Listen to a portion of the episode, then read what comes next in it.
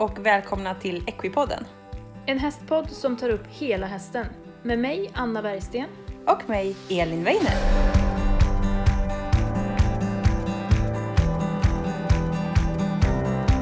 Hej alla Equipodden-lyssnare och välkomna till veckans avsnitt. I det här avsnittet får vi träffa Anna Nordin som driver företaget Enastående häst och ryttarutveckling. Anna jobbar som mental coach och har en ofantligt häftig livshistoria. När hon var 11 år så var hon med i en bilolycka med sin ponny där ponnyn fick avlivas och hon själv förlorade benet under knät. Och hur den här händelsen har påverkat henne från eh, att vara liten upp i tonåren som var tufft till att idag vara en framstående pararyttare i både VE och dressyr. Hon jobbar också som mental coach och har fått lära sig den hårda vägen hur viktigt det är att jobba mentalt rätt. Alltså det här blev ett sånt jäkla häftigt avsnitt. Jag har lärt mig så mycket och sättet att tänka, ha rätt mental inställning och kunna vända en motgång och förstå lärdomarna av det. Det pratar vi mycket om i början av avsnittet och sen kommer vi gå in på, vi pratar om ridrädsla, hur ska man övervinna det? Vi pratar om att väga in och skapa en rätt mental inställning, att ha mental träning i vardagen. Hur gör man? Vad kan en coach hjälpa till med? Vi pratar också om eh, VE som är en träningsform, en tävlingsgren, en disciplin inom ridsporten som alla egentligen kan ha nytta av. Och vad det handlar om när det kommer till samspel mellan häst och ryttare och hur viktigt det är för oss ryttare att förstå hästens beteenden och signaler och vad vi skickar ut för signaler i olika situationer. Alltså, Wow, vilket jäkla avsnitt. Alltså jag är helt i extas efter att ha spelat in det här. Jag tyckte det var så häftigt och så jäkla intressant. Så ta nu fram papper och penna för här får ni verktyg att använda både i stallet och i vardagen. Så håll i er, nu kör vi igång avsnittet med Anna Nordin. Så, då hälsar jag välkommen Anna Nordin till Equipodden. Hej Anna! Hej! Tack Hur så mycket! Hur mår du? Jag mår bra, förutom att jag är förkyld. Men sådana bagateller behöver man inte bry sig om. Nej, precis. Och vem är du? Kan vi börja med att fråga. Du får berätta lite själv om dig själv. Ja, eh, ja jag heter som sagt Anna Nordin och jag jobbar som mental tränare. Mm. Har mycket ryttare eh, och sen föreläser jag också om mental träning och personlig utveckling överlag kan man säga. Mm. Eh, och jag är själv hästtjej såklart. Yes. Eh, har eh, ridit och haft egen häst sedan jag var sju år. Mm. Eh, när jag var elva så blev jag påkörd när jag var ute och red. Mm. Eh, och eh, min ponny dog och eh, jag fick amputera mitt ben mm. precis under knät. så det kan man väl säga egentligen har varit en, en grunden för vilket yrkesval jag till slut valde. för det, kom, det var tydligt för mig att det är ganska viktigt med vad man har för mental inställning i livet. Mm. Och eh, jag tog mig förbi mina hinder på bara envishet. Mm. Och då tog det flera, flera år att byta den här mentala inställningen som jag ville förändra. Och jag tänkte sen att det måste finnas bättre sätt. Och på den vägen blev det då att jag valde att eh, lära mig mer om idrottspsykologi och mental träning. Mm. Ja, det är ju så himla häftigt. För det var en lyssnare till oss som tipsade om att vi skulle faktiskt kontakta dig. Och jag var inne och läste om din olycka och din historia här. Och jag blev helt tagen och jag vet jag fick helt tårar i ögonen och blev så här, Åh, jag berättar för min sambo. Åh, det här, ja. det här är helt fantastiskt. Det här är helt, ut, helt enastående. Så det är ju, ja, att du så ung då ändå förlorar en del av ditt ben och får, får leva med det. Mm. Och att du ändå lyckas vända det och göra någonting fantastiskt av det som något livs life mission av det här. Ja. Eh, det tycker ja, jag är jättehäftigt. Det... Och det var ju lite det som var, vi kan säga den mentala inställningen till en början. När man är 11 år är det svårt att förstå mm. att saker ska vara för evigt. Mm. Eh, så då tyckte jag nog inte att det var så himla jobbigt att bara ha ett ben. Utan ja, det var så just nu och det var inte säkert att det skulle vara så för evigt. Lite så var min inställning. Och sen på högstadiet så var det väl egentligen människor omkring mig som fick mig att inse, alltså på lite elaka otrevliga sätt då, då att det här mm. var för evigt och att jag var annorlunda och så vidare. Mm. Och då gick det upp för mig att fasen, det här kan ju vara ett bekymmer också. Mm. Det här är något jobbigt, det är något att skämmas över och så vidare. Och så var det under ganska många år tills jag insåg hur mycket det eh, inskränkte mig. Mm. Och stallet var liksom den platsen där jag var mest som vanligt. För mm. jag fortsatte ju rida direkt efter olyckan. Samma dag som jag kom hem från sjukhuset så, så red jag. Trots att jag fortfarande hade gips upp till, till höften. Det är häftigt. ja, men det är lite så som häst säger. Man ska upp direkt så man inte blir rädd. Jo men så är det. Så, så, så är det ju. ja, och eh, där var liksom min eh, plats där jag kände att jag fortfarande presterade på samma sätt som jag hade gjort innan. Mm. Eh, och det var ju en trygghet i allt det här. Mm. Och när jag sen insåg att ja, men jag vill ju kunna göra det jag vill utan att fundera på vad folk ska tycka eh, i resten av livet också. Mm. Det var ju då den här eh, resan började att försöka byta inställning själv Mm. från att vara ett offer för en hemsk olycka till att känna mig som en hjälte som faktiskt överlevde Ja, den här det. olyckan. Häftigt. Smart Mm. att tänka så. Eller så här att man jobbar emot det. Men Ja, och det jag kan jag säga att i början så kändes det ju oerhört osannolikt att jag Mm. någonsin skulle tycka så. Mm. Och jag ville nästan kräkas på mig själv när jag försökte tänka så. Mm. Alltså det kändes otroligt långt borta. ja. Eh, Medan idag kan jag ärligt säga, alltså jag menar det när jag säger det, Mm. att jag känner mig som en hjälte som överlevde och inte som ett offer. Mm. Oddsen var väldigt små att överleva en sån olycka och det gjorde jag ändå. Så att, Ja. Ja, Mm. häftigt. Och idag jobbar du ju som mental coach. Ja, Och hjälper både ryttare och eh, företag att tänka rätt. Och du jobbar lite utifrån Ja. ett koncept som heter rätt mental inställning eller MRI. Vill du berätta lite om det? Ja, ja eh, många tänker ju det här med mental träning och så vidare att det går ut på att man ska bli positiv. Mm. Att man ska ha en positiv inställning till allt. Eh, och dels så låter ju det ganska korkat om jag får säga så. Eh, för det finns, alltså det finns saker i livet som inte alls innehåller något positivt. Mm. Eh, och då blir det ju mer att lura sig själv att försöka vända det till någonting positivt. Och Mm. sen är det väldigt många människor som känner sig hotade av det. Av en sån eh, tankebana. det. Att Ja. det är för långt ifrån där jag är nu. Så att man blir nästan arg istället när man hör det här. Ja. Och jag menar att det handlar inte om att alltid vara positiv.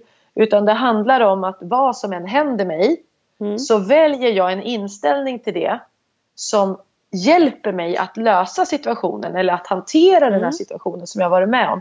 Så att för mig till exempel då att det är klart att det är skitjobbigt att bli av med ett ben. Mm. Det ställer ju till det otroligt i, i vardagen bara om man har ont och man får sår. Det är Mm. svårt att gå som nu när det kan vara halt ute. Mm. Det är ju helt värdelöst. Det är svårt med två ben. Det är ännu svårare med ett ben. Eh, ja, bara det här med att gå upp och kissa på natten. Du vet, det är Ja. svårt när man har två ben. Det är mycket krångligare med ett ben, jag lovar. Ja. Eh, men men det är ju, jag väljer ju att, att jag bara har ett ben. Det kan jag inte välja. Så är det från och med nu. Just Men det. sen väljer jag, ska jag fokusera på det som är besvärligt med att bara ha ett ben?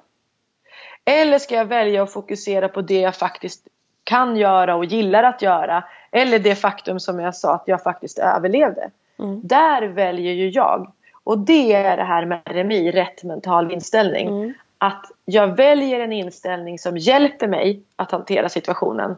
Istället för att vara i en inställning som hjälper mig och gör situationen mer besvärlig.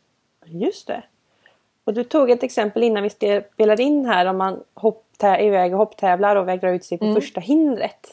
Ja, Eh, Och att man kan då lätt, att det, du sa precis att det kan vara svårt att tänka positivt kring just den situationen precis när man går ut. Ja, Men att man istället då försöker tänka, vad gick bra? ja. eller om man då väl, liksom tänker så här att Ja okej, jag vägrar ut med första hindret. Det kanske inte var vad jag hade önskat. Men det spelar ingen roll. Egentligen så tar man med sig ännu mer från ett misslyckande Mm. än vad man gör från ett, en lyckad händelse. Mm. Eh, och utan att misslyckas kommer vi aldrig nå våra mål. Mm. Utan vi bygger erfarenhet varje gång vi misslyckas. Mm. Som gör att vi tar oss förbi liknande hinder nästa gång. Eh, och då om jag då kommer ut från banan och så börjar jag med att fundera på okej men vad fungerade då? Vad gick bra? Och det kan ju vara så att ja, hästen gick på transporten på en gång så vi var där i tid. Eh, det gick bra när jag var på framridningen. Jag hade en bra plan när jag gick banan. Det kan ju vara massa saker som Mm. faktiskt har fungerat. Mm. Och sen när jag har tagit fram det, då har jag liksom skaffat mig rätt mental inställning. För då är jag inställd på att vara konstruktiv och lösa saker. Mm. Direkt när man kommer ut från banan då kanske man mer bara är arg och vill säga att allt är värdelöst, jag kan inte rida, min häst är dum i huvudet och så vidare. Ja. Och det är inte rätt mental inställning, det det- kommer inte hjälpa till nästa gång.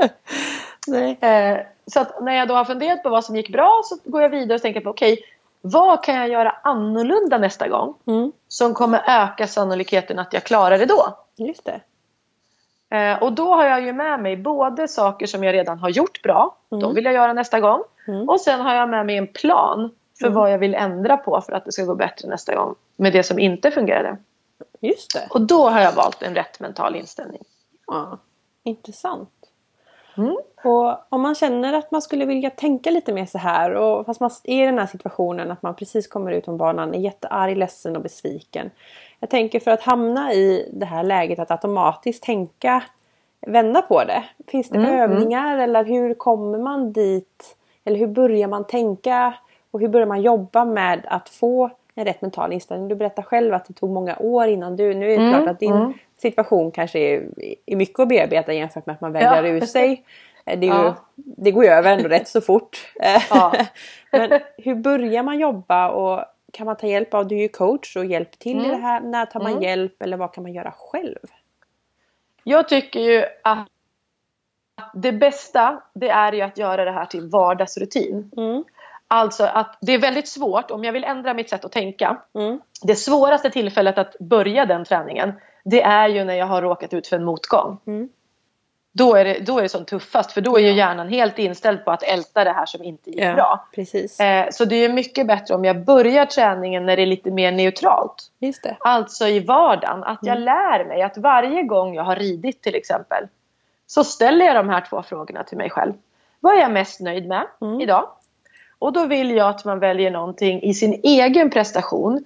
Alltså något som jag som ryttare har gjort bra. Inte vad min häst gjorde bra. Mm. För det är vi ganska duktiga på redan. Ja, att att våga ge våran häst beröm. Ja. Så det behöver vi inte träna extra på. Det, jag säger inte att man inte ska ge den beröm. Man ska ge sin häst massvis med beröm. Mm. Men vi, vi är oftast redan bra på det. Mm. Så det, det behöver man inte min hjälp för att klara av.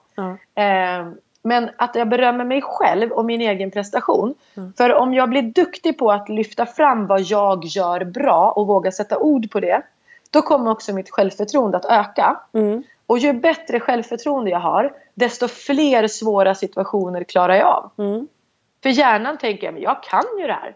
Och så klarar den sakerna tack vare att den litar på sin egen förmåga. Just det. Så genom att plocka fram saker som jag själv har gjort bra så kommer mitt självförtroende öka och då kommer jag också kunna prestera bättre. Jag kommer kunna utnyttja mer av den förmågan som jag redan har. Ja. Så sen, och sen den andra frågan då. Vad skulle jag vilja göra annorlunda än vad jag gjorde det idag? Så att jag förutom att jag plockar med mig något som jag redan är bra på också ger mig själv ett tips inför framtiden Mm. utifrån hur saker och ting funkade idag. Och gör jag det här till vardag, att min hjärna är van vid att varje gång jag har gjort en prestation, alltså ridit ett pass, Mm. så ska jag utvärdera med de här två frågorna. Mm. Då kommer det gå mycket lättare den gången jag har haft ett dåligt pass också. Ja, just det. Så jag tvingar ju alla mina elever på alla pass de rider för mig så måste de svara på de här två frågorna på Ja, slutet. det. I slutet. Och mitt mål är ju någonstans att jag vill att man Jag brukar säga det, rid aldrig längre än fem minuter utan att ge hästen en skrittpaus. Mm.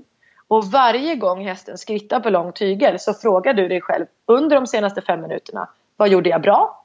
Vad vill jag göra annorlunda? Mm.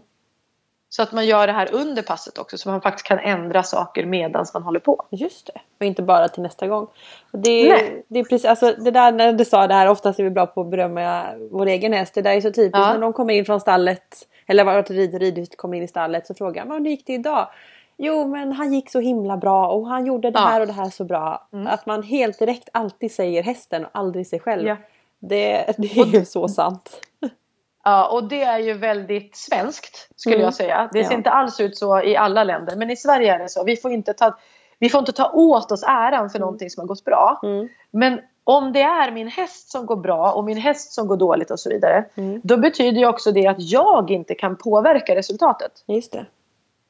Och då har jag satt mig i en situation där man känner sig frustrerad och att man inte har kontroll. Mm. Och då blir det lätt om, häst, om man då vägrar ut sig. Ja men då sätter du bara ner och är sur för att du vägrade ut dig. Mm. Eh, och du tar inte tag i det och ser till att det blir bättre till nästa gång. Och Mm. många tänker ju så här, ja men det räcker med att jag talar om för mig själv vad jag var dålig på. Ja, just det. Men då bygger jag inget självförtroende utan då kommer jag sänka mitt självförtroende. Mm. Och så när jag då stöter på en motgång Mm. då kommer jag inte ha den här möjligheten. Om vad ska jag göra annorlunda nästa gång? Mm. Min hjärna kommer inte våga hitta på vad vill jag ändra på. För jag kan ju ändå ingenting. Mm. När det går bra är det hästen. Mm. Och när det går dåligt är det jag. Mm. Det betyder ju att det enda jag kan göra är att förstöra.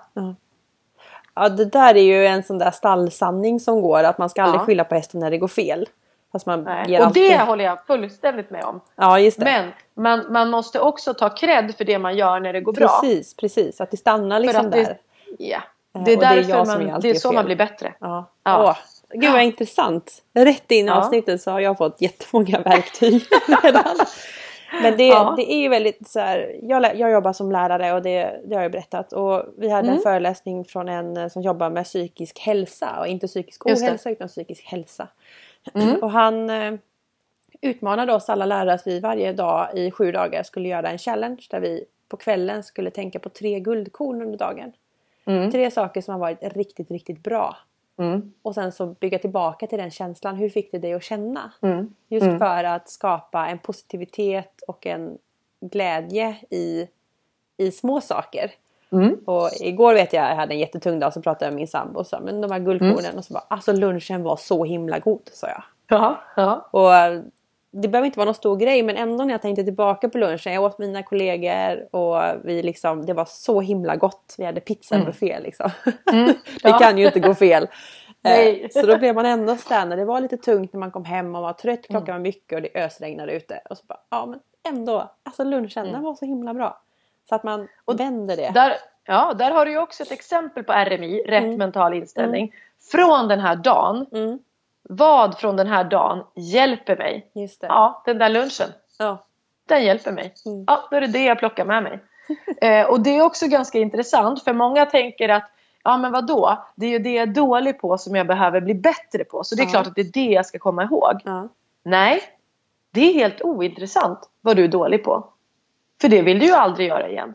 Just det. Det som inte gick bra vill du inte ha tillbaka. Mm. Så det som är viktigt att fokusera på det är ju det du gjorde bra. Just det. För det vill du ju gärna komma ihåg. Mm. Så det här ska jag göra fler gånger. Mm. Och sen är det ju vad vill jag ändra på så att Mm. det blir bättre. Mm. Inte det som var dåligt. Alltså inte det här att jag vägrade ut mig på första hindret. Det är helt ointressant att komma ihåg.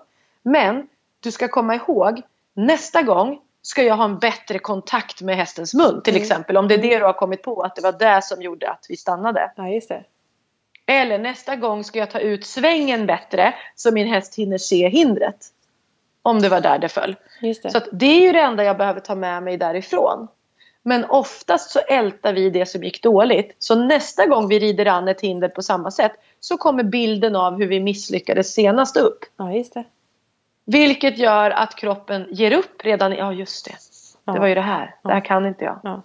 Men om jag då har övat mig på att det jag ska komma ihåg från det här tillfället det är ta ut svängen, kontakt på tygen. Då kommer ju hjärnan när den vänder upp och så känner den igen situationen och säger just det, håll ut svängen, kontakt på tygen. Och så klarar jag det. Ja. Så att jag behöver ju väl- välja vad är det jag kommer ihåg från situationen. Ja. Ja. Gud vad intressant. Mm. Så att, att göra en del av vardagen och ställa de här frågorna och träna hjärnan eh, till att fokusera då på den rätta mentala inställningen. Det är ett bra Just sätt att, att börja en sån Ja. här resa framåt. Ja, och gör det med enkla saker först. För där tänker jag också som, som du sa nu, ja men jag tar den här lunchen. Mm. Därför att det är ganska neutralt och ju Mm. neutralare vi är desto lättare är det i början. Mm. För många kan det ju, det märker jag när jag har träningar, att för en del, när jag säger till dem, berätta för mig vad du är mest nöjd med idag i din prestation. Ja. Då börjar de gråta. Jaha. För det är så svårt Ja. att säga något bra om sig själv. Ja. Att jag själv har gjort något bra. Och är det då dessutom i grupp så att det är fler som lyssnar så Ja. jag har de som vägrar Ja. i början. Men Ja. jag släpper aldrig iväg någon om man vägrar. Så att man kommer inte undan. Därför att det här är ju ändå, det är ju så att släppa korken ur flaskan. Alltså har man väl kommit igenom det där första gången så brukar det bli lättare och lättare. Om man märker att alla de andra gör det, det är inte så, så mycket, alltså det, det är inte så eh, allvarligt Mm. egentligen. Mm. Och det är ingen som egentligen bryr sig vad du säger för alla vill bara liksom varandras väl. Mm. Eh, men, men i början är det jättesvårt för en del. Och känner man det själv att det är mil bort att jag ska säga något positivt om min egen prestation. Mm. Så börja med enkla saker. Just det. Eh, som inte är så laddade. För ridning kan ju vara ett ganska laddat område. Ja, just det. Med sin prestation, med sin häst och man vill och eh, Precis. Ja. vill vara någon, ha en image kanske när man är lite yngre Ja. också och sådär. Ja, precis. Och Mm. jag tänker om man tycker det här är svårt och sådär, vad kan en coach hjälpa till med i sådana här situationer? Jag tror att dels så kan man ju hjälpa till med bara de här tankemönstren. Alltså Mm. vilka, vilken typ av tankar har jag nytta av? Eh, och många gånger så, man säger att idrott generellt Mm. så är 50% av det vi klarar av att prestera beror på det mentala, alltså Ja. vad vi tänker. Ja. Och 50% på hur duktiga vi är på vår idrott. Ja. Men i vissa idrotter, och där är det bland annat ridning och golf, där är det så mycket som 90% som är den Oj. mentala biten. Ja, så att det är bara 10% ridförmåga, alltså vad, hur duktig är jag på att rida? Oj! Och då betyder ju det då, om vi skulle göra ett, ett räkneexempel, att för varje timme jag rider och tränar ridning ja. så behöver jag träna nio timmar mentalt Ja. för att hålla balansen uppe och faktiskt kunna utnyttja allt det jag lär mig när jag ridtränar. Hm. Och då, ja, då inser man ju direkt att hur ska jag hinna det då? Ja. Och särskilt om jag rider två timmar om dagen så ska Ja. jag träna 18 timmar mentalt. Och det går ju inte att sätta sig ner då i skolbänken och tänka att nu ska jag träna mentalt här i 18 timmar. Nej. Eh, utan det handlar ju om att ändra sitt sätt att tänka i vardagen. Mm, mm. Att välja de här tankemönstren som gynnar mig. Så att alla tankar jag tänker under en dag faktiskt är tankar som kommer göra att jag tror på min Mm. egen förmåga och att jag tror på att jag har ett värde som person. Ja, just det. Så att när man väl har börjat med det här då har du ju nytta av det i all vaken tid och även när du drömmer skulle jag vilja påstå. Mm. Men, men, och det är väl det coachen kan göra, att hjälpa en att byta de här Ja. tankemönstren. Ja. Eh, vad tänker jag om mig själv? Vad är min, min, na, liksom mitt eh, naturliga tanken som kommer upp? Om jag till exempel spiller ut ett glas mjölk. Är det första jag tänker, ja det var typiskt mig, jag är så himla klantig. Eller tänker jag bara, oj då, nu hade jag lite bråttom. Ja. Var, var, hur hanterar jag saker som händer och vad väljer jag för tankar då? Ja. Vi är återigen inne på det här med rätt mental ja, inställning. precis. Hjälper det eller stjälper det? Ja.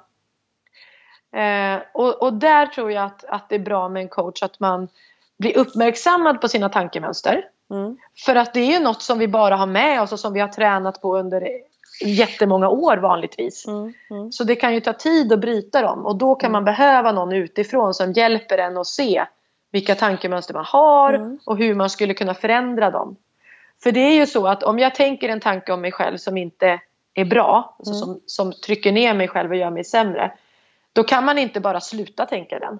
Nej. Det funkar liksom inte så att man säger till sig själv att ah, det här ska jag aldrig mer tänka. Mm. Utan hjärnan är ju igång all vaken tid. Ja. Och den tänker någonting all vaken tid. Ja. Eh, så att, att sluta tänka funkar inte.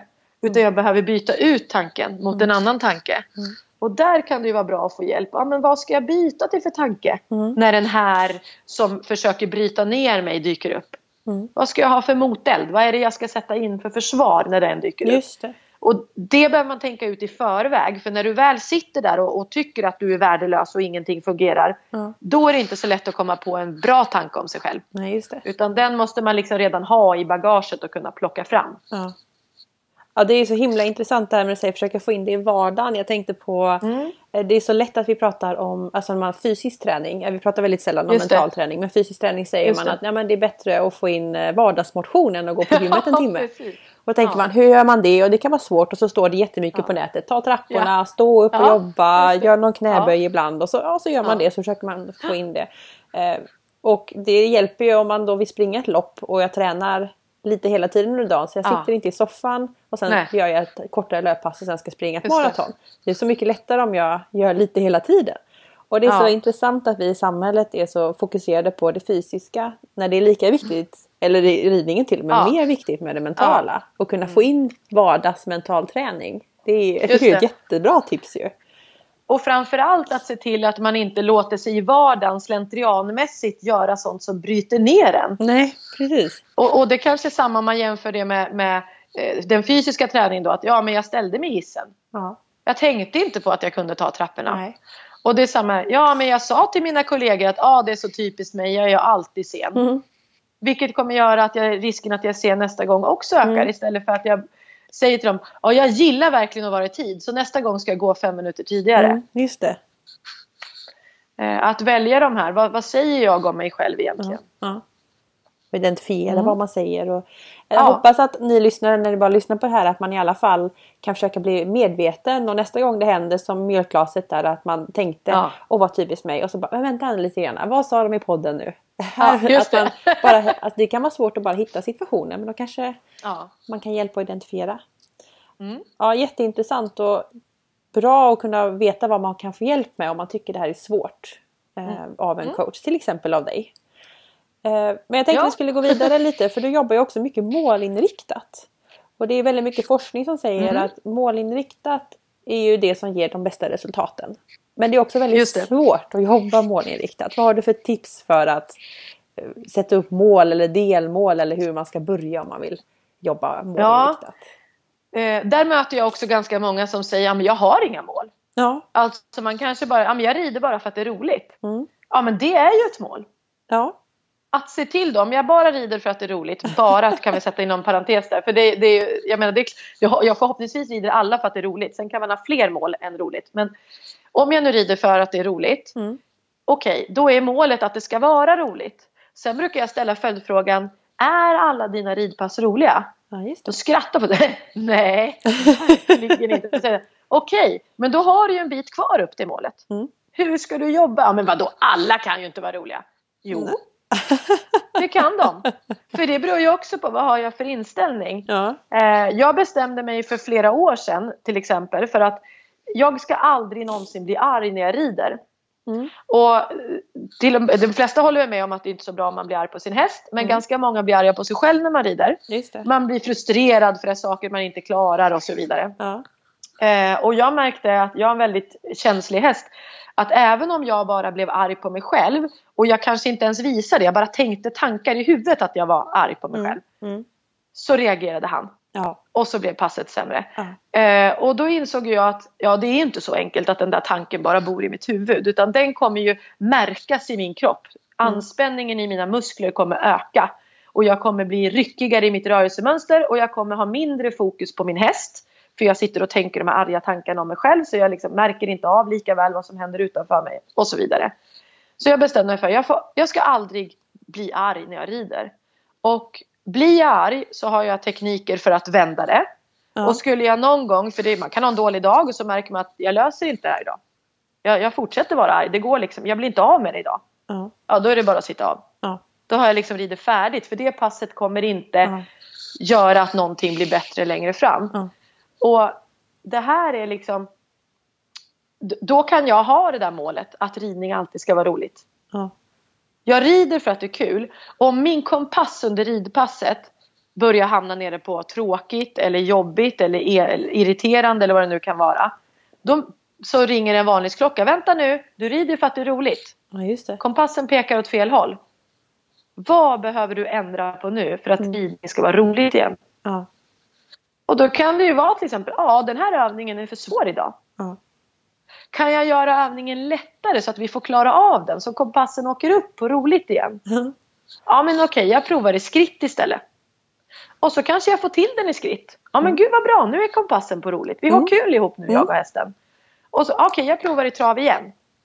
Ja då kanske det funkar tack vare att jag faktiskt bytte lite min egen mentala inställning. Jag var inte arg längre utan jag var på roligt. Och då kanske jag faktiskt klarade det här. Ja. Eller så är det fortfarande för svårt. Ja men då är det okej, men jag gör något annat då. ja, just det. För mitt mål är att ha roligt. Och då kommer någon säga, ja, men hur ska jag kunna bli bättre? Om det inte är tråkigt och jobbigt att rida. Ja. Ja, jag brukar säga det att om mitt mål är att det ska gå lätt och enkelt så kommer jag inte komma dit genom att anstränga mig och ha tråkigt och, och eh, bli spänd och hård. Utan jag behöver hitta det, den här mjuka, lätta vägen. Mm. Och jag kommer komma fram den vägen. antagligen snabbare än den här med ilska och så vidare. Som vi sa innan att om jag är arg och frustrerad och tycker att jag är dålig så blir det nedbrytande tankar, Ja. jag kommer få ett sämre självförtroende. Ja. Och om vi säger att 100% är vad jag kan som ryttare, just jag, 100% av min förmåga. Mm. Om jag tror på mig själv så Mm. kanske jag kan använda, om jag är riktigt duktig på att tro på mig själv och min egen förmåga och är bra på att hålla mig på att ridning är roligt. Mm. Då kanske jag lyckas använda 100% av det jag kan Mm. i ridning. Ja. Men så fort jag börjar säga till mig själv att jag är dålig, att jag är värdelös, jag kanske blir irriterad och så vidare. Så sjunker den här andelen av hur mycket av min förmåga jag kan använda. Mm. Har jag riktig otur kanske jag kommer ner på 20%. Alltså jag är bara en femtedel så bra ryttare som jag skulle kunna vara om jag hade en bra mental inställning. Ja. Det betyder ju också att någon som är sämre än vad jag är på att rida men är bättre på den mentala biten kommer slå mig om vi tävlar mot varandra. Just det. Och det hör man ju ofta när folk säger Hur kunde hon få bättre än jag? Hon rider ju mycket sämre än vad jag gör. Mm. Ja, men hon kanske kan utnyttja det hon faktiskt kan Ja. till en större del än vad jag kan för att hon har en bättre mental inställning. Så det här gäller ju liksom att vill jag bli riktigt bra på att rida då behöver jag hålla kompassen på att det är roligt och på att jag är bra. Ja. Det finns inte någon som har vunnit OS-guld som tyckte att de själva var kass. Nej. Nej, Så det, det. går ju faktiskt inte. Nej, det har man inte råd med. Man Nej. måste tro på sig själv. Precis. Och det är inte heller något som plötsligt kommer växa upp ur marken om jag hela tiden liksom raktar ner på mig själv. Mm. Och så plötsligt en dag kommer jag tro på mig själv. Nej, det funkar inte så. Har jag tränat på att racka ner på mig själv så är det också det jag blir bra på. Just det. Så är det faktiskt. Och det är viktigt att identifiera och tänka vidare med det. Eh, Precis. Så att apropå mål, om vi knyter tillbaka till det. Ja. Så tycker jag också att, att antingen har man roligt som mål och då ställer man in kompassen på det och så lägger man upp sina ridpass för att få roligt. Mm. Eh, och vill man ha andra mål, om man till exempel vill eh, klara en viss rörelse i dressyr eller en viss eh, tävlingsklass eller i hoppning, att jag vill kunna rida på en viss, hoppa på en viss höjd och så vidare. Då kan ju det vara mitt mål. Mm. Och då brukar mitt råd vara att se till att målet det ska vara så högt Mm. Ställt så att du mår lite illa när du tänker på det. Det ska kännas lite så här. Åh herregud, hur tänkte jag när jag satte upp det här Ja, målet? Det det. kommer ju aldrig att gå. eh, för då betyder det att du har satt ett mål som är utanför din komfortzon. Ja, alltså målet innebär att du kommer lära dig någonting som du inte kan idag. Mm. Mm. Mm. Och då kommer ju målet göra att du utvecklas. Mm. Sen så skulle jag säga att om man inte själv känner att man är jätteduktig på att hantera det här med delmål och handlingsplan. Då tar man hjälp av en coach när man ska göra det jobbet. Det. För det är oftast där det faller för folk att man Åh, hur ska jag göra nu då? Och så orkar man liksom inte. Mm. Nej, och så precis. fortsätter man göra som man alltid har gjort för att Ja. det är enklare. Det. För att sätta upp mål som är bra mål, det är ganska svårt. Mm. Mm.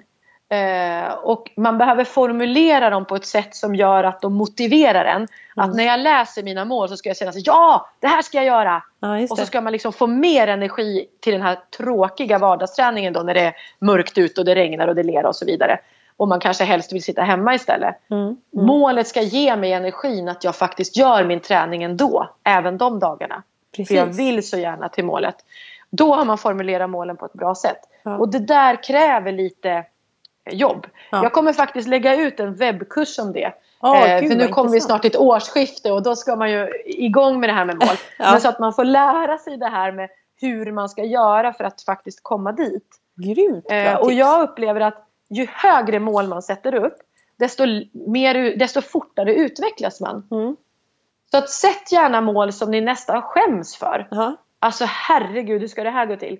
För det är ju bara det där dåliga självförtroendet som säger att det kommer bli svårt. Ja, just det. Ja, där bör man tänka lite mer som Pippi Långstrump. Det här har jag aldrig gjort förut så det klarar jag alldeles säkert.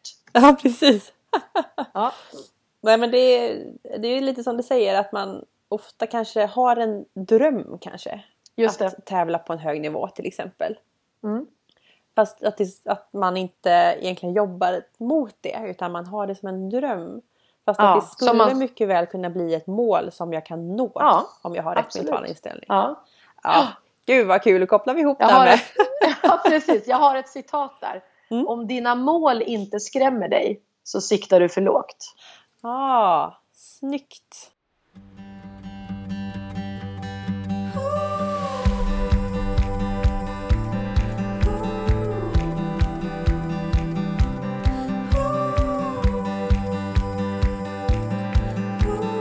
Då tänkte jag vi kunde gå vidare och prata lite om, eh, jag har ju fått in lite lyssnarfrågor. Och Mm. där fick jag en fråga om ridrädsla. Hur ska Just man det. göra och tänka om man har gjort, om man har blivit rädd för sin häst? Eller, Mm. eller hästar i allmänhet, man kanske inte har en egen häst, Mm. men man har blivit Just det. rädd. Hur ska man Mm. tänka och komma vidare då? Då vill jag börja med att säga att i ridsport där ska man ska vara så himla tuff hela tiden. Mm. Eh, så det är väldigt svårt oftast att tala om att man har blivit rädd. Mm. Och jag möter också folk som inte har förstått att de har blivit rädda. Så man, man förnekar det även inför sig själv. Men Ja. jag kan se på deras sätt att hantera situationer att de är rädda. Ja. För det är sånt tabu. Ja. Vi får liksom inte vara rädda. Ja. Eh, och på sätt och vis är ju det klokt därför att hästar är flyktdjur. Det är inte så bra om vi är rädda omkring dem därför då skrämmer vi dem också. Ja. Så jag förstår poängen i att inte visa rädsla i stallet. Men nu är ju hästar lite bättre på att genomskåda oss än att det räcker med att säga att jag inte är rädd. Mm. Utan de läser ju av kroppsspråk så de vet det i alla fall. Mm. Men när jag började arbeta som coach eh, och det är ju, ja jag måste räkna efter, det är ja, över tio år sedan nu i alla fall.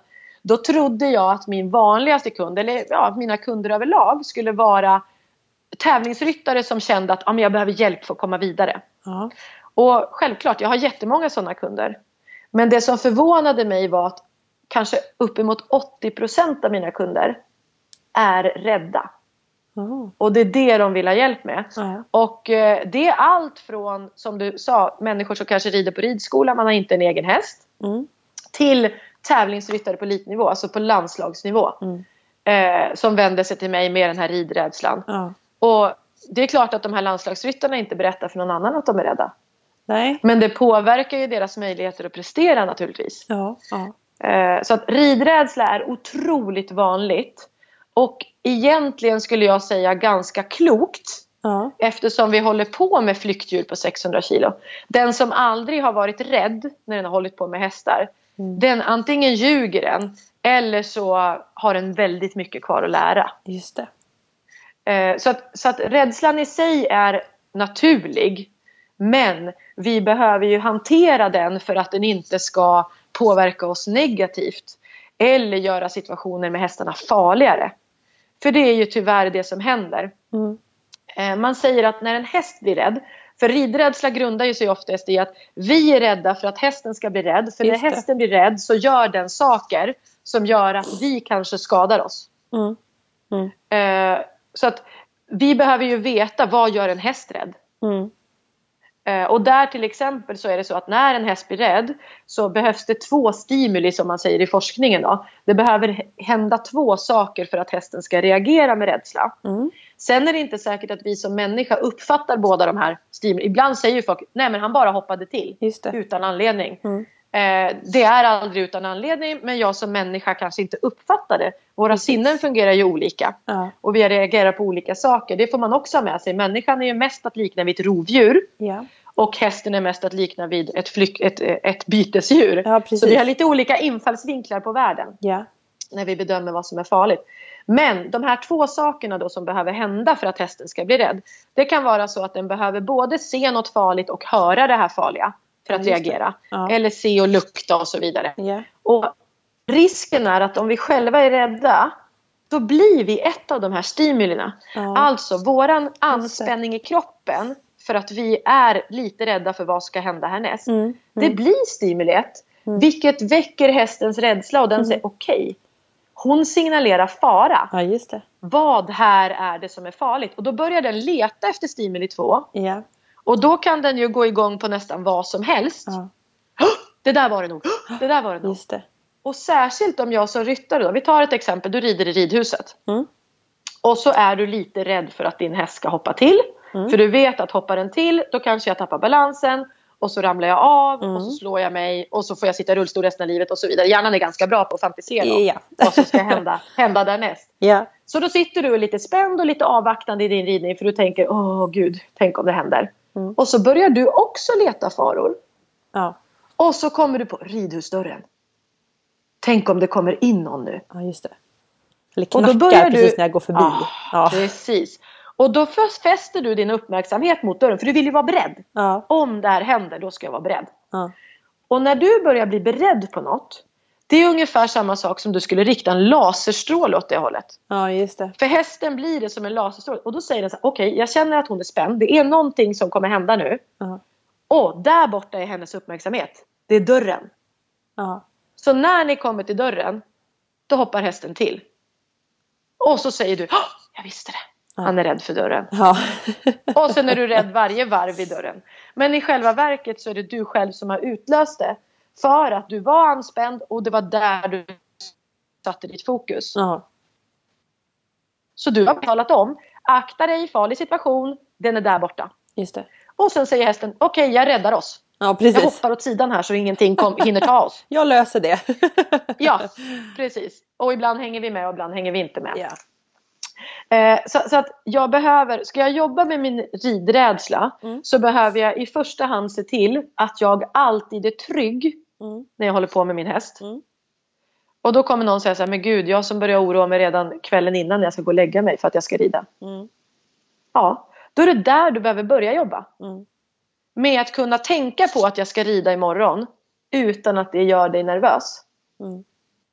För om du ska ligga och oroa dig ett dygn innan, då löser vi inte din ridrädsla när du står där bredvid hästen och ska hoppa upp. Nej. För då har du redan arbetat upp den här adrenalinnivån i ett helt dygn. Mm. Det adrenalinet får inte vi ut ur kroppen på 10 minuter. Mm. Utan vi måste se till att det inte blir det här adrenalinpåslaget av att rida. Mm. Så att där börjar jag jobba med mina eh, klienter Ja. och se till att de hamnar i ett läge där de är trygga tillsammans med sin häst. Och vi gör inte mer än att de är trygga. Mm. Och så blir det en långsam trappa uppåt. Och det här är ju också för att inte få några bakslag. Mm. För att om jag är rädd för att något ska hända och det händer. Ja. Då har jag ju fått vatten på min kvarn. Det var farligt. Ja.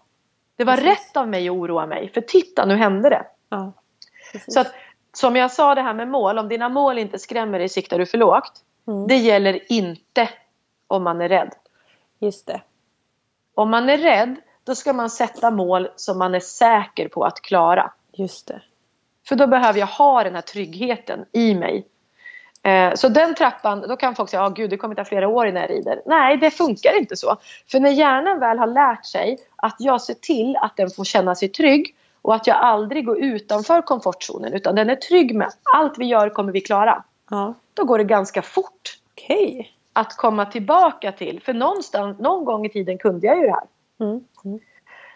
Mm. Och då jobbar vi med olika tekniker. Hur ska jag kunna hantera mina tankar och hur ska jag kunna hantera min kroppsanspänning, alltså den här nervositeten som märks fysiskt. Ja. Hur ska jag kunna jobba för att kontrollera dem och se till att det inte uppstår? Mm. Så sådana metoder får man med sig. Mm. Och jag har elever, ja dels utomlands och sen runt om i Sverige som jag aldrig någonsin träffar. Jag träffar aldrig deras hästar. Utan jag pratar bara med de här personerna på telefon. Mm. Och de kommer över sin ridrädsla. Häftigt. Och jag tror faktiskt att det är en viktig pusselbit. Att jag inte finns där när de ska jobba med sin häst. Utan de måste lita på sin egen förmåga. De måste själv bestämma hur stora trappsteg ska jag ta. Ja. Eh, Jag tror faktiskt att det ingår i det här. För, för många tänker, då ska inte du vara med när jag ska rida? Mm. Nej. För när du väl ska rida då är du redan så trygg så det Ja, kommer just gå bra. Just det. Det är klart att, att lita på sin egen trygghet istället för att Ja. låta tryggheten ligga hos en tränare. Ja, exakt. Så att, eh, jag tror att det är en viktig pusselbit. Och där vill jag också lägga in att många gånger så är stallkamrater och så vidare, tränare och så vidare som inte vet Mm. hur man jobbar med rädsla. Mm. De skälper oftast. Okej. För det vanligaste rådet folk får av sin omgivning det är gör det fast du är rädd. Det går över. Okej, ja just det. Mm. Och det är en lögn. Mm. Det är inte sant. Eh, och det, det tror jag att, att den inställningen har kommit från att om man tänker om man jobbar med KBT till exempel och Mm. du är rädd för spindlar. Ja men då ska du utsätta dig för spindlar tills du inte är rädd för dem längre. Ja. Det är en ifrågasatt metod även bland de som jobbar med fobier. Ja. Om det här verkligen är den bästa metoden att jobba med. Ja. Men jag skulle också säga att det är en metod som bara funkar om det du är rädd för är ofarligt. Just det. Alltså att du har skapat en rädsla för något som är ofarligt. Det finns ju inga giftiga spindlar i Sverige till exempel. Mm. Så att du kan utsätta dig för spindlar mer och mer och mer. Mm. Och det kommer aldrig att hända något. Nej, precis. Men det funkar ju inte med häst. Nej. Du kan inte utsätta dig för en häst när du är rädd och vara säker på att inget händer. Mm. Det är inte så. Så vi kan inte jobba på det sättet med en ridrädsla, att göra det fast vi är rädda. Mm. För det finns bara två resultat av det. Mm. Det ena är du gör det fast du är rädd Mm. och det händer något. Mm. Då blir du ännu räddare. Mm. Eller du gör det fast du är rädd och det går bra. Mm. Då kommer din hjärna säga till dig Åh herregud vad skönt, jag överlevde. och så kommer den i alla fall stoppa in det i minnesbanken som någonting farligt. Ja, just det. Och att det var ren tur att du klarade det. Precis. Så gör inte om det här. Ja, just det. För nästa, gång, kanske du inte har lika mycket tur. Ja, exakt. Så att gör jag det fast jag är rädd så kommer jag vara rädd nästa gång också. Mm. Så jag har haft eh, klienter som då har jobbat. De säger att ah, jag har hållit på med det här i tre år nu så jag, jag kommer aldrig bli av med min ridrädsla. Jag har provat så mycket. Ja. Och då är det just det här som är felet. Ja, att man gör det fast man är rädd. Och då blir aldrig rädslan mindre. Ja. Så det är nog mitt bästa tips. Att gör inget som du är rädd för. Mm. För det gör det bara värre. Precis. Så länge det har med hästar att göra. Mm. Så jag tänkte på det här exemplet du tog att man kunde bli rädd redan Mm. kvällen innan och, och kroppens Ja. alarmsystem drar igång. Och det har ju alla känt på när man får adrenalin och svettningar och, och Ja. hjärtat och sådär. Det är ju inte så skönt. Jag tänker att Nej. många slutar där och ger upp och tänker att jag kan ju inte Mm. vara rädd i 24 timmar. Men då Nej. tänkte jag bara fråga Kan alla komma tillbaka från en ridrädsla? Ja. Ja. Om, om, man, om man vill det, ja, om man vill det Mm. måste jag lägga till då. För det är ju hur stor Just är min motivation? Som Mm. med alla mål. Mm. Hur stor är min motivation för att nå det här målet? Mm. Och då handlar det många gånger om hur, hur beskriver jag målet för mig själv? Mm. Alltså hur, hur gör jag, skri, beskriver jag målet så att det är tillräckligt åtråvärt för mig Mm. för att jag ska orka göra jobbet? Mm. Mm. För beroende på hur länge man har varit rädd och, eh, och så vidare så behöver jag ju vem jag är som person och så vidare. Hur bra självkänsla och självförtroende har jag på andra områden? Är jag van att tänka på det här sättet eller är jag inte van? Ja. Så är ju jobbet olika stort som man behöver göra. Mm. Och jag behöver ju orka mig igenom det där. Mm. Och jag kan inte förvänta mig att det är en rak väg mot målet och allt går skitbra. Mm. Mm. Utan jag måste förvänta mig att vägen är krokig. Mm. Alltså det är ju som om jag säger till dig så här nu, jag frågar dig, ja, hur långt är det från Stockholm till Malmö? Mm. Ja då kan ju du säga hur många mil det är och så drar man ett rakt streck söderut. Så här. Ja men det är ditåt och så här många mil. Och trots det så är det ju ingen människa som förväntar sig att vägen är så där Nej, rak. precis. Utan vi förstår ju. Det kommer komma trafikljus, det kommer komma rondeller, det är uppförsbackar, nedförsbackar, det kommer vara kö Mm. och så Mm. vidare. Mm. Det vet vi. Och vi liksom, det är ju helt okej. Mm. Men när vi jobbar mot ett mål då är det så här, ha, rödljus, äh fy fan, då skiter jag liksom, då, då är minsta lilla motgång, det är så här, Ja. äh, då får det vara. Ja, precis. Precis. Så, att- så att, att man faktiskt förstår att det kommer inte vara en rak linje. Utan det kommer hända saker under vägen. Men det är också det som jag lär mig av. Det är ju Mm. det som gör att det här faktiskt blir en resa och en utveckling för mig som person. Just det. Så att är man bara beredd att lägga ner jobbet och hur jobb, mycket jobb det är det beror som sagt på vem man är som Mm. person. Mm. Och hur mycket man är beredd att lägga ner och på hur kort tid. Mm. Eh, för där är det också, i början tycker jag, har man hjälp av någon för att göra det här.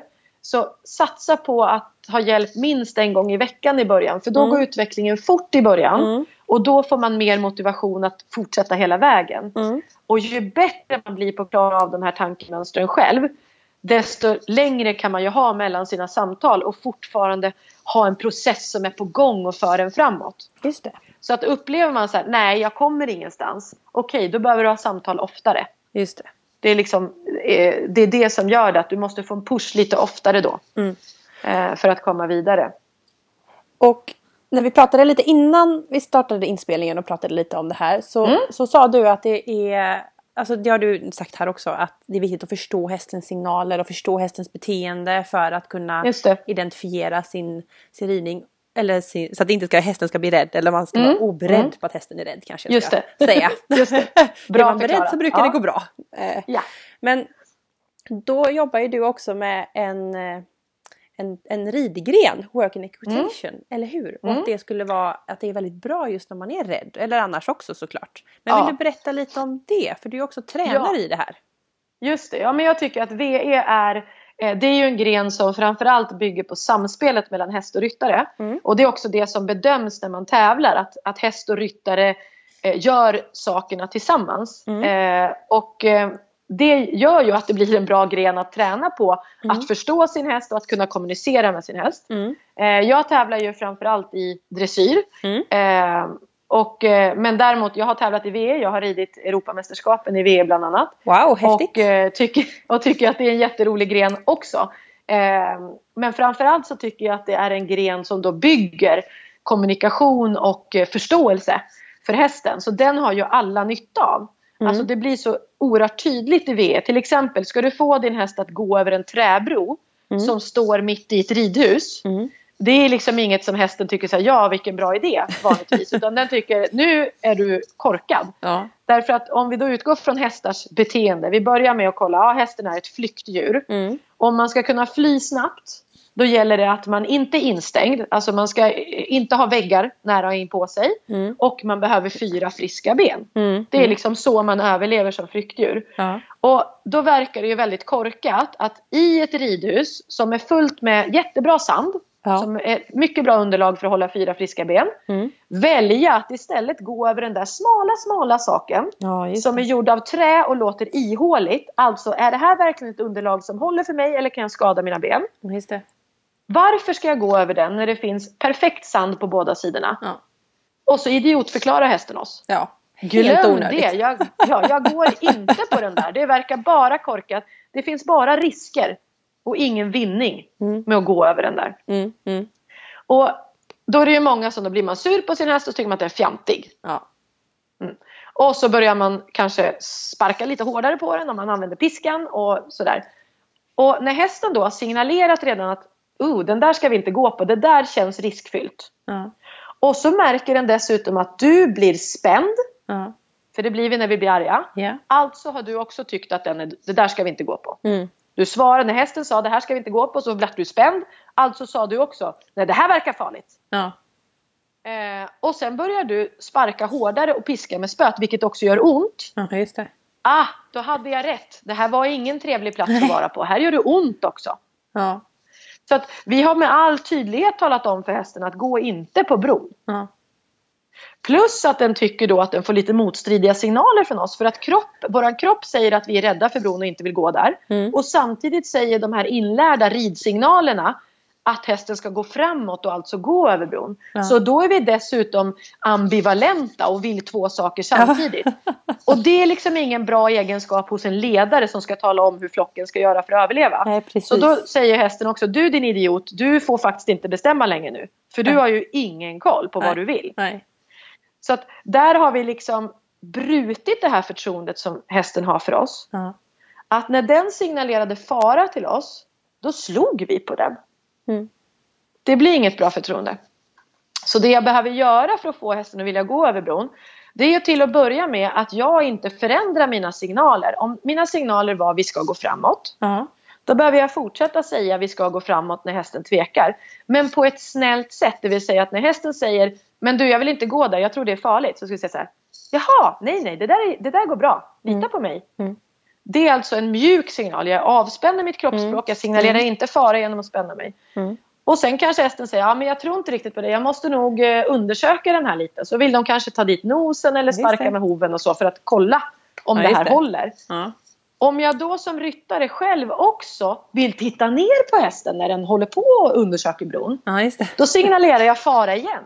För då har hästen sagt, vänta jag måste kolla det här. Och så säger jag, jaha oj då, är det farligt tror du? Ja. Och då säger hästen som flyktdjur, då, ja det är det nog, vi skiter i det här. Mm. Så där behöver jag också bli kvar i min sits och säga till hästen, ja jag kollar du om du vill men jag vet att det är lugnt. Just det. Jag är tryggheten. Lita på Ja. mig. Mm. Ja, Mm. och det här eh, det är ju liksom något som man behöver jobba fram då. då. Mm. Men, och då säger folk att ja, men jag miljötränar min häst. Nej, Det du gör är att du övar kommunikationen mellan dig och din häst. Just det. Så att när den hittar läskiga saker så frågar den dig. Ja. Du, är det farligt? Mm. Och så säger du, nej för sjutton, det är lugnt, lita på mig. Mm. Och då måste den ju också kunna lita på att du är densamma Ja. och att det går bra. Ja. Om du säger lita på mig och så sen händer det någonting. Ja, Mm. då litar den inte nästa gång. Nej. Så det här är ett förtroende man behöver bygga upp. Mm. Men när man har gjort det då har man ju också ett system som fungerar i alla skrämmande situationer. Mm. Mm. Eh, och sen självklart är det ju så med allt att rätt vad det är kommer det någonting där du får två yttre stimuli som är läskiga och hästen drar i alla fall. Ja. Men ju bättre, ju bättre relation ni har desto mindre reaktion kommer hästen utlösa. Just det. Och du sa någonting viktigt där som jag tror att du menade inte så men, men som du uttryckte det så kan det Mm. bli lite fel. För du sa om man är beredd så händer inget. Nej, just det. Och ja, men om jag är beredd i liksom att jag, ja, men jag kortar upp tygen eller jag håller i mig lite hårdare och så Mm. Den typen av beredskap gör att saker händer. Just det. För då har vi tryckt på alarmknappen för hästen Ja. och då är det lättare hänt att något händer. Men om jag menar beredd i förhållande att jag kan mycket om hästar. Mm. Mm. Jag vet hur hästens syn fungerar. Jag vet hur hästens hörsel fungerar och Mm. så vidare. Mm. Då kan jag undvika farliga situationer. Just det. För om vi tar hörseln till exempel. Mm. Så tänker ju alla att ah, men gud, hästar hör ju så bra. Ja. Ja, det gör de. Men de hör på ett annat sätt än vad vi människor gör. Mm. Så att vissa saker hör vi faktiskt bättre. Okej. Dels så är vi mycket bättre på att tala om varifrån ett ljud kommer. Och det Mm. låter ju skitknasigt för hästarna har ju sina stora trattar som de kan, de kan vända på allting. Borde inte de vara skitbra på att avgöra varifrån ett ljud kommer? Nej, för det är inte viktigt för ett flyktdjur. Nej. Det räcker med att man vet att ljudet kommer någonstans där bortifrån. Mm. Så att om vi tittar på en urtavla så kan hästen avgöra varifrån ett ljud kommer på 25 grader. Alltså det är 360 grader runt ett helt varv. Då. På Ja, 25 ja. grader när kan hästen avgöra en riktning på ljudet. Ja. För det räcker, för då flyr den i andra riktningen och så överlever den. Precis. Medan människan, vi kan avgöra det lika bra som en hund. Mm. För vi är ju mera som ett rovdjur. Är du ett rovdjur då räcker det inte med att säga mitt byte är där någonstans. Nej, just det. Då kommer du liksom inte fånga det. Utan du behöver veta exakt vart bytet är. Ja. Så vi kan avgöra varifrån ljudet kommer på en grad när. Mm. För vi måste ha exakt för att kunna fånga den här saken. Ja. Så att där är ju hästar sämre än vad vi är trots att de har bättre hörsel. Just det. Och detsamma gäller om man tittar på hur ett ljud låter. Ljud som låter väldigt högt. Mm. De kan ju låta så högt så att vi människor inte hör ljudet längre. Mm. Alltså de är utanför våra, vårat frekvensområde. Mm. Ett exempel på sådana ljud det är om vi säger spänningsljudet för att en högtalare är igång. Mm. Det piper på en sån hög nivå så vi hör inte det. Eh, en klippmaskin, ja vi hör att den bullrar. Men den låter också på en ljudnivå där vi inte hör som blir så här Ja. ljud. Ja. Och det är därför hästar inte gillar klippmaskiner. Det är Ja. inte för det ljudet som vi också hör. Ja. Utan det är det där pipljudet Ja. som låter som tinnitus. Det är klart att det är obehagligt. ja, precis. Stoppa i ett par öronproppar på hästen så försvinner det där ljudet. Mm. Och de flesta är mycket, mycket lugnare. Mm. Och detsamma gäller om vi säger bilar, cyklar och så vidare. Mm. De ljuden är utanför hästens frekvensområde. Så de hör inte dem. Så Ah. när det kommer en bil bakom oss på vägen så hör inte hästen den. Nej. Och det det är därför risken är så stor att hästen hoppar till Ja. när bilen väl kommer innanför vad de ser. Just det. För den Och kommer det så är oftast plötsligt. när häst, ja, och det är oftast när bilen kommer upp precis bredvid oss. Ja. Då hoppar hästen till. Ja. Och har vi otur då hoppar den utåt i vägen och där var bilen. Ja. Eh, så att där kan vi hjälpa hästen eftersom vi kommer höra bilen tidigare. Mm. Så vänd bara på hästens huvud lite åt sidan. Mm. Då kommer ju bilen inom hästens synområde. För när vi sitter på då döljer vi lite av synområdet bakåt Ja, med våra precis. ben. precis. Men om jag då bara vänder hästens huvud lite åt sidan då kommer den se bilen och då blir den inte rädd när den dyker upp precis bredvid. Så Mm. det är ett ganska bra trafiksäkerhetsknep Precis. just för att de inte hör dem.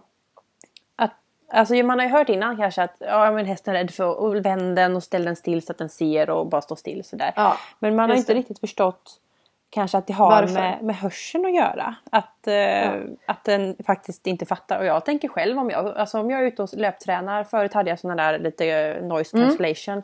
Och så kunde det cykla någon förbi och då fick jag en hjärtattack. det var ju så. precis. Nu har jag bytt till sådana där som är som örat är fritt så att det liksom högtalare in så att man hör allting runt om för jag springer ofta med hund då så Ja. jag vill ju vara beredd. Ja, just det. Om Ja. det kommer en cykel där. Ja, just det. Och då hör jag ju allting och då, då är jag ju beredd. Då får jag ju inte en hjärtattack när den åker förbi. Nej, precis. Men eh, man har gjort Och det några gånger. hästen, ja, eftersom hästen inte hör de ljuden så är Ja. det ju precis för den som att ha de här öronpropparna på sig. Exakt. Så Och så blir den och- jätteförvånad. Ja. Men vad intressant. Och det är just det här, om man kan det här, både hur hästar beter sig, alltså Mm. varför är, gör en häst som den gör Mm. och hur resonerar en häst utifrån eh, vad den är skapt för att Mm. klara av så att säga. Mm. Och sen också hur fungerar deras sinnen jämfört med våra. Mm.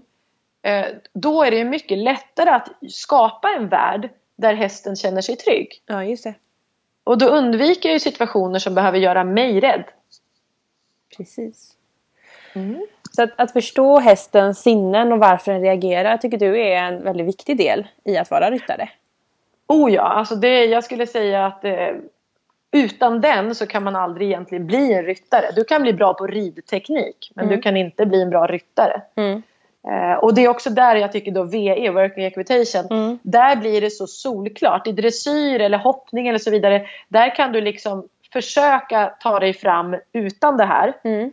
Med olika grad av framgång. Men i VE, du kommer inte över bron Mm. om inte du och hästen samarbetar. Mm. Eh, det finns ett annat hinder när man ska rida genom en grind. Alltså du ska öppna och stänga grinden från hästryggen. Mm. Och där står det uttryckligen då i, man får ju bedömning från 0 till 10 precis som i dressyr på hur bra man gör det här. Mm. Och där står det uttryckligen i bedömningskriterierna att hästen ska aktivt delta i Okej. öppnandet och stängandet av grinden. Ja.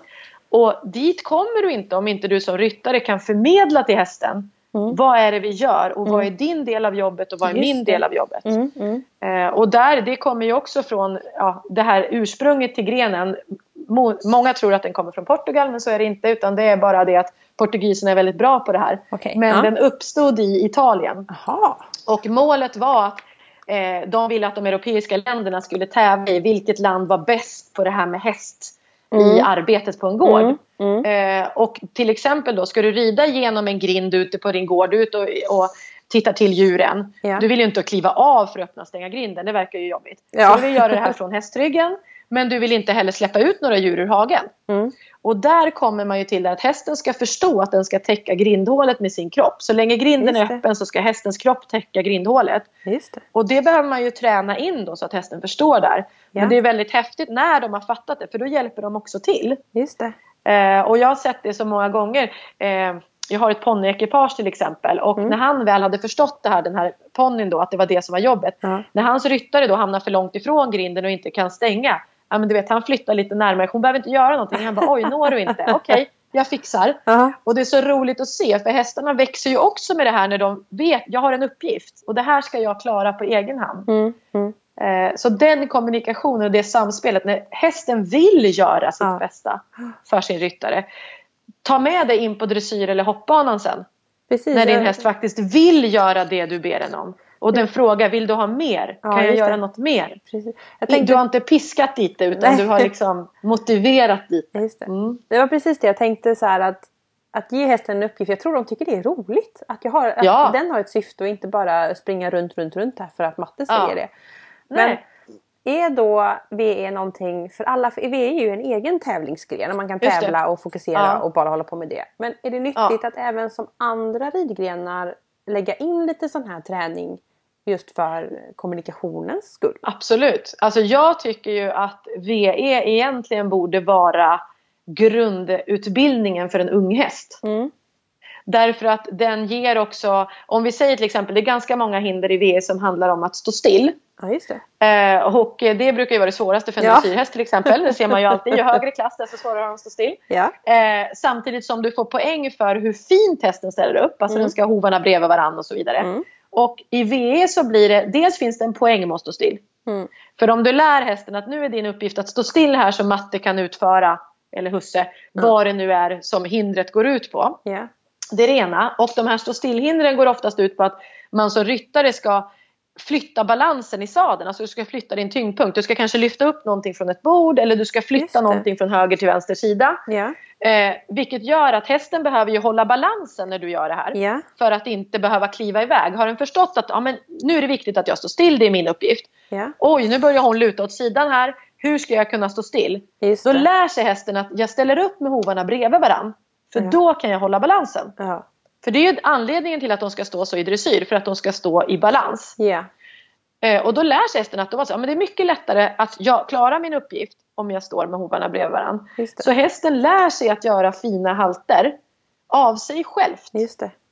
För att den, den liksom drar slutsatsen att det här underlättar för mig. Mm. Mm. Eh, och då kommer du in på dressyrbanan och så har du en häst dels som står still tills den får kommando att gå. Mm. För det har du tränat. Mm. Och sen att den ställer upp korrekt utan att du som ryttare behöver göra något. För det har den också tränat. Just det. För det är det bästa för sig själv, eller att den har insett Ja. det. Ja, det här är det bästa sättet att stå på.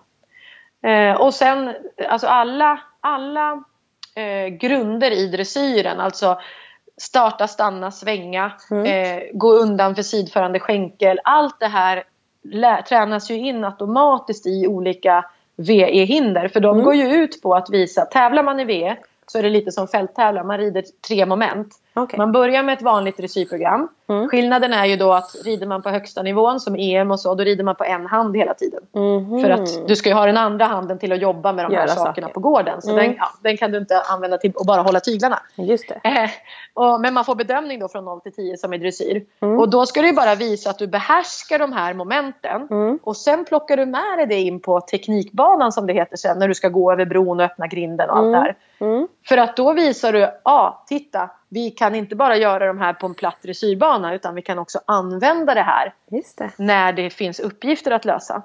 Och sen avslutar man då det sista momentet, det är lite som omhoppningen i hoppning. Att ja, du ska fortfarande vara felfri på de här hindren. Mm. Men det ska gå fort också. Just det. Och där tror ju många att fort går det om jag rider fort. Mm. Men det är inte sanningen. Fort Mm. går det, alltså alla flyktdjur är snabba från 0 till 100. Ja. Det är det de överlever på, att de kan axa fort. Men en vinnande V-häst den är också snabb från 100 till 0. Alltså Ja. den kan slappna av på en gång. Ja, För det. att du ska springa full fart mellan hindren och sen kommer du fram till ett hinder som bygger på precision. Ja. Om hästen då är uppe i varv och stressad då kommer den inte klara det här precisionshindret. Mm. Utan den måste kunna varva ner lika Mm. fort. Mm. Och där är vi åter inne på att ryttaren då kan sända signaler till sin häst. Precis jag Som får den att snabbt gå ner i varv. Ja. Och Ja. det har du ju jättestor nytta av om hästen blir rädd. ja. Att Precis. ni har ett språk där du säger det är lugnt, du kan slappna av. Ja, precis. Man Mm. pratar med hundar mycket på av och på-knapp, att liksom träna det. Just Och vi det. gör inte Ja. det med hästar. Och det är precis Nej. samma om man går in på dressyrbanan igen. Det var ju Stockholm Horse Mm. Här nu för så Just länge det. sedan och Patrik Kittel eh, stod inte riktigt still eh, sista halten där Nej. för att man började applådera. och och Ja, det är sånt det. som kan hända och det är ju egentligen inget Ja. konstigt med det men att bara liksom träna in att ja nu har vi kört järnet här, vi har presterat max. Kanske i det fallet Mm. mer ett muskelarbete än kanske fart då men att ändå, Mm. nu är det stopp. Ja, Och, och nu andas vi ut. Ja just det, ta ett Ja. djupt andetag. Att, vad skönt. Ja. Och att då också själv som ryttare ta applåden som någonting positivt. För Mm. där tänker jag mig då utan att ha frågat Patrik. Men att, Mm. att han nog blir så här, oops! När de börjar applådera. För han Ja. blir lite rädd för hur hästen ska Ja, reagera på applåden. Ja, Och då har ju han redan talat om för sin häst, oh passa dig nu börjar de applådera. Istället för att han då blir ännu mjukare i kroppen och säger yes, de gillade oss. ja just det. Och bara liksom låter det sjunka in och göra honom ännu mera avspänd Mm. i situationen. Mm. Men, men det är som sagt, det här behöver man ju träna på. Och jag tror att många andra grenar, där tänker man inte på det. Man tränar bara det man vill bli bättre på. Ja. Medan det kanske är så att jag skulle göra det här mycket bättre om jag och min häst hade bättre kommunikation. Mm. Mm. Vi behöver egentligen inte bli bättre på tekniken utan vi behöver bli bättre på kommunikationen. Mm. Och VE övar ju även galoppombyten i serier. Det. Kommer in som ett naturligt steg. Eh, så att, och det är mycket röra sig på små ytor och vara smidig i kroppen och ha en bra balans och Just det. kroppskoordination. Så det har ju också alla grenar nytta av. Ja visst. Eh, jag tänker när unghästen ska lära sig att svänga. I Mm. VE svänger man runt slalompinnar som man säger då, eller hinderstöd. Mm. Det är ju som att svänga runt träd i skogen. Ja. Det blir väldigt uppenbart för hästen att den måste svänga för att komma Ja. runt. Man kan Ja. inte gå rakt fram. Och också, jag kan inte skjuta ut innerbogen och gå och balansera som en, som en svänga som en finlandsfärja eller en buss. För då, då slår jag mig på Ja. det här eh, objektet som står innanför. Ja. Så att hästen lär sig hur ska jag hålla balansen när jag svänger. Mm. Mm. Utan att jag som ryttare behöver vara där och karva med innerskänken och dra i yttertygen och Mm. allt vad det är. Utan Mm. hästen lär sig hur Mm. den ska ha sin kropp. Precis. Vilket gör att det underlättar mitt jobb som ryttare. Jag brukar prata om att man ska ge uppgiften till hästen och själv inte Ja. kanske vara den som drar dit eller sitter dit Just eller det. klämmer dit. Utan när jag tömkör till exempel så står jag ju några meter bort. Jag kan inte Mm. hålla den i Nej. handen hela tiden. Så jag ger uppgiften till hästen så får den lösa det. Ja. Och när den har löst det så har den Mm. lärt sig någonting nytt. Och det är Ja. precis som du säger här, om jag ska lära en unge och svänga och sitta på så gör jag så här och så här. Mm. Och då fattar ju inte den egentligen alls det. Men om det är ett träd där så förstår Nej. den att ah, men du, jag vill inte gå in Ja. i det. Och då får man ju automatiskt Nej, en pedagogik precis. i det som kanske inte alltid man tänker på. Exakt. För det vi gör när vi vill svänga hästen, det är misstag som många gör. Vi, Mm. alltså, vi har ju lärt oss att om vill jag till höger så drar jag i höger tygel. Ja. Det är sant, men det är en sanning med modifikation när man kommer upp. Man gör så mycket mer med kroppen än Mm. dra i höger tygel. Mm. Men då drar jag i höger tygel. Och om hästen inte svänger Mm. så drar jag ännu mer i höger tygel.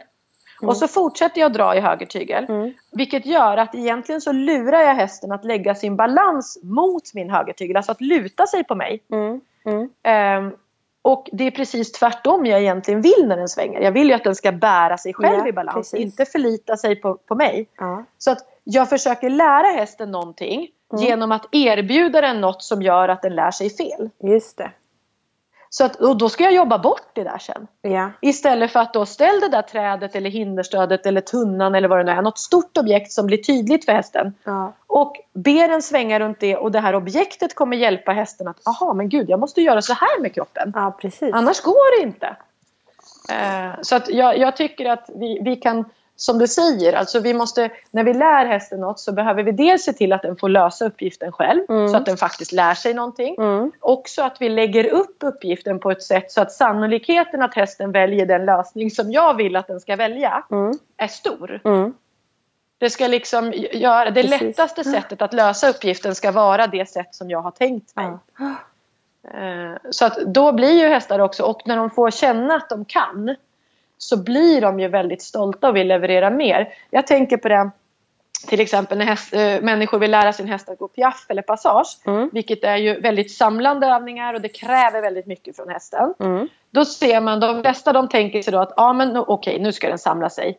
Då måste jag ju, först måste jag ju hålla en massa i handen så att den inte springer framåt för den ska ju springa här på stället. Ja. Och så måste jag driva som en liten galning här bak då så vi drar igång den här motorn. Ja. Och det är lite grann som att jämföra med om det var en bil då, att jag gasar och bromsar samtidigt. Mm. Och den enda effekten det kommer få det är att jag sliter ut däcken och jag sliter ut bromsarna. Ja. Och det är lite samma på hästen. Det är liksom, I längden så blir det här en rörelse som då bygger på anspänning i hästens kropp och i min kropp. Mm. Och den kommer inte bära sig på ett bra sätt i den här rörelsen. Och ändå är det så folk jobbar. Mm. Man sätter upp, ställer hästen mot en vägg och så håller någon i där fram och någon piskar där bak och så åh vad duktig du var, vad fint Ja. det blev. Ja. Eh, och då har jag ju, försöker jag lära hästen att bära sig själv på, genom att inte bära sig själv. Eh, och jag tänker, jag gör lite tvärtom. Jag Mm. samlar inte hästen mer än vad den orkar själv. Alltså, den, den går i en gångart där den känner sig bekväm och sen så samlar jag den lite grann. Och det försöker jag göra genom att flytta min egen kropps tyngdpunkt och få hästen att följa med Mm. den här förflyttningen. Och det blir ju inte mycket i början. Det får man ju ha klart för sig. Mm. Det är ju inte, det är inga stora förändringar man kan åstadkomma i början där. Mm. Men om när jag, hästen märker det här så, ah, vänta lite, vad gjorde hon nu? Mm. Och så försöker den följa efter. Om jag berömmer det då, Mm. Bra, det var det jag ville. Mm. Så nästa gång kommer den försöka lite till och lite till och lite Just till. Mm. Och till slut så har jag ju en häst som, den vet vad jag vill. Mm. Och ju mer jag berömmer desto mer försöker den. Precis. För precis som vi så diggar de beröm liksom. De vill Ja. gärna ha mer av det här positiva. Ja. Ja. Och till slut, alltså jag har kommit så, så min häst, jag kan börja, du vet ibland erbjuder han saker. Ja. Han bara, vad tror du om det här? Skulle du vilja ha det här nu? Och så skrattar jag och han vet att när jag skrattar då gillar jag det han Ja, gör. det. Så att, vet, man kan få honom att tokanstränga sig bara för att jag skrattar för att han blir så här, oh, hon gillar det, Ja, hon gillar precis. det. Jag gör lite till. Eh, och, och det är så jag vill att träning ska vara. Ja. Alltså min häst ska ju göra det jag ber om för att vi båda gillar det. Liksom. Mm. Inte för att, och det är också då jag kan få honom att anstränga sig det där lilla sista. Mm. Mm. Jag vill inte lägga på pisken för att han ska ta ut sig max. Precis. Jag vill att han ska ta ut sig max för att vi har roligt Mm. tillsammans och Mm. han vill göra det. Mm. Eh, och jag tror inte man kan komma dit genom att först vara hård och elak. Utan de måste tycka att, och att man aldrig anstränger dem mer än vad de heller klarar. Mm. Så det måste få bli en lång, lång process. När jag ber min häst om något, då ska han vara säker på att han kommer klara av uppgiften. Alltså Ja. jag ber aldrig om mer än vad du kan hantera. Just det. För, för då vill han ju, och då kommer han också vara beredd att ge lite till och lite till. Ja. ja. För att jag maxar aldrig ut honom. Så att eh, ja, det, jag, jag, jag tror att många missar det här med sin häst. Vi håller på med Ja. hästar för att det är roligt och vi gillar hästar och allting. Och ändå har vi så många träningspass när vi är arga på oss själva eller på hästen Ja. eller på resultatet och så vidare. Varför då? Ja. Det är dyrt, det tar mycket tid, det är tungt Ja. och det är varenda jäkla dag och så vidare. Se åtminstone till att du når det där målet du har, att det är Ja. roligt. Att det är roligt ja. Varje dag, varje minut. Alltså så jäkla bra. Alltså vilket jäkla dunderavsnitt Anna. Tack! Härligt! Jag har ju lärt mig jättemycket. Jag har antecknat här under tiden så jag hoppas att Ja. ni lyssnare får också lyssna igen kanske om ni sitter och rider just nu eller och tar lite anteckningar. För nu har vi massa saker att träna på. Och jag gillar det här, liksom, vi pratar mycket om det i podden, att ta tillvara på olika grenars eh, kunskaper. Alltså distanstränare hade vi som pratade om pulsträning och det här med Mm. VE då och kommunikationen. Men alltså tack så jättemycket Anna för att du ville vara med i, i våran podd. Och Och tack för att jag fick vara med. Det var jätteroligt. Jättekul! Och om man skulle vilja ha kontakt med dig och tyckte det här Mm. lät bra, hur gör man då? Ja, det enklaste att komma ihåg det är väl enastående.se. Mm. Eh, och eh, om man inte har klurat ut varför min, mitt företag heter Enastående häst och ryttarutveckling så kan man tänka lite på det Mm. om man läser min historia. Ja. Eh, men, så det är en väg. Annars kan man ju mejla också. Mm. Och då är det Anna snabel-a enastående fast utan prick på ået då. Mm. .se. Så Mm. enastaende.se. Just. Eh, och sen går det ju bra att söka på Facebook. Eh, Yes. Och eh, där heter jag Enastående häst och ryttarutveckling. Och på Instagram så är det Enastående Anna. Just det. Vi kommer tagga lite i inlägget som eh, är på Equipoddens sociala medier också. Och jag Ja. tänkte på den här, du sa den här webbkursen med mål, kommer Mm. den upp på din hemsida?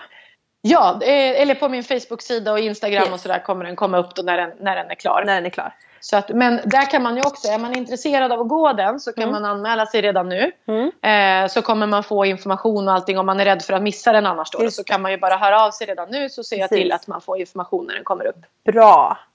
Mm. Men ja, då får vi eh, avsluta här. Så Anna, så får jag önska dig en fantastisk eh, dag och vecka.